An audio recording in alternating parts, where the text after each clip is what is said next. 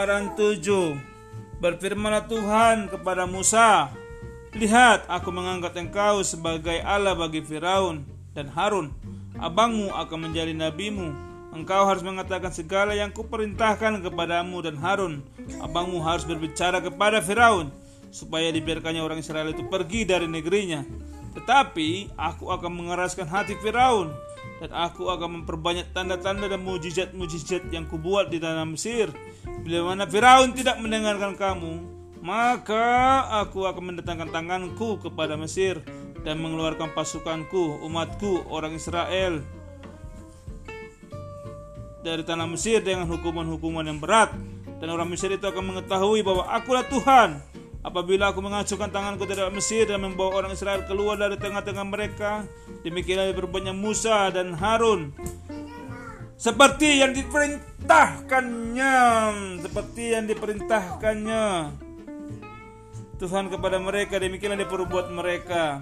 Ada Musa 80 tahun umurnya dan Harun 83 tahun ketika mereka berbicara kepada Firaun. Dan Tuhan berfirman kepada Musa dan Harun, Apabila Firaun berkata kepada kamu, tunjukkanlah satu mujizat, maka harus lo katakan kepada Harun, ambillah tongkatmu dan lemparkanlah itu di depan Firaun, maka tongkat itu akan menjadi ular. Musa dan Harun pergi menghadap Firaun lalu mereka berbuat seperti yang diperintahkan Tuhan. Harun melemparkan tongkatnya di depan Firaun dan para pegawainya, maka tongkat itu menjadi ular. Kemudian Firaun pun memanggil orang-orang berilmu dan alih-alih sihir dan mereka pun alih-alih Mesir itu membuat yang demikian juga dengan ilmu mantra mereka. Masing-masing melemparkan tongkatnya dan tongkat-tongkat itu menjadi ular. Tetapi tongkat Harun menelan tongkat-tongkat mereka. Apa yang terjadi? Iya, tongkat Harun mengapa? Menjadi kayu. Enggak dengar kan?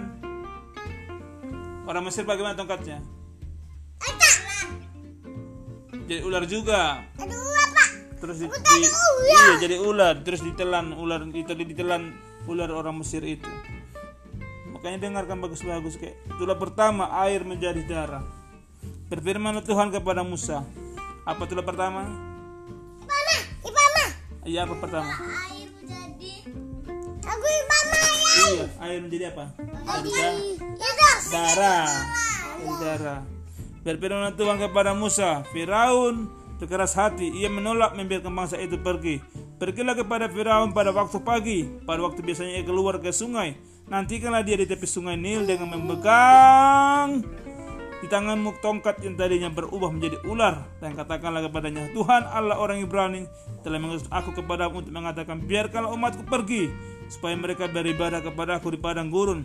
Meskipun begitu sampai sekarang engkau tidak mau mendengarkan sebab beginilah firman Tuhan. Dari hal yang berikut akan kau ketahui bahwa akulah Tuhan. Lihat dengan tongkat di tanganku ini akan kau pukul air di sungai Nil dan air itu akan berubah menjadi apa? Darah. menjadi darah. Ya, darah. Iya jadi darah. Dan ikan yang dalam sungai Nil akan mati. Sehingga sungai Nil akan berbau busuk. Maka orang Mesir akan segan. Tidak mau minum air dari sungai Nil.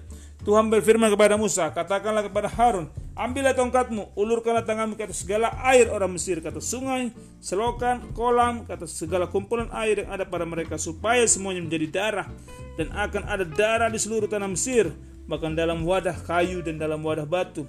Demikianlah Musa dan Harun berbuat seperti yang dipermankan Tuhan. Diangkatnya tongkat itu dan dipukulkannya kepada air di sungai Nil depan mata Firaun dan pegawai-pegawainya. Maka seluruh air yang di sungai Nil berubah menjadi darah. Matilah ikan di sungai Nil sehingga sungai Nil itu berbau busuk dan orang-orang Mesir tidak dapat minum air dari sungai Nil dan seluruh tanah Mesir ada darah. Tetapi para ahli Mesir membuat yang demikian juga dengan ilmu mantra mereka sehingga hati Firaun berkeras. Ia tidak mau mendengarkan ke- mereka keduanya seperti yang telah dipermankan Tuhan. Firaun berpaling lalu masuk ke, ke istananya dan tidak mau memperhatikan hal itu juga. Tetapi semua orang Mesir menggali-gali sekitar sungai Nil mencari air untuk diminum sebab mereka tidak dapat meminum air sungai Nil.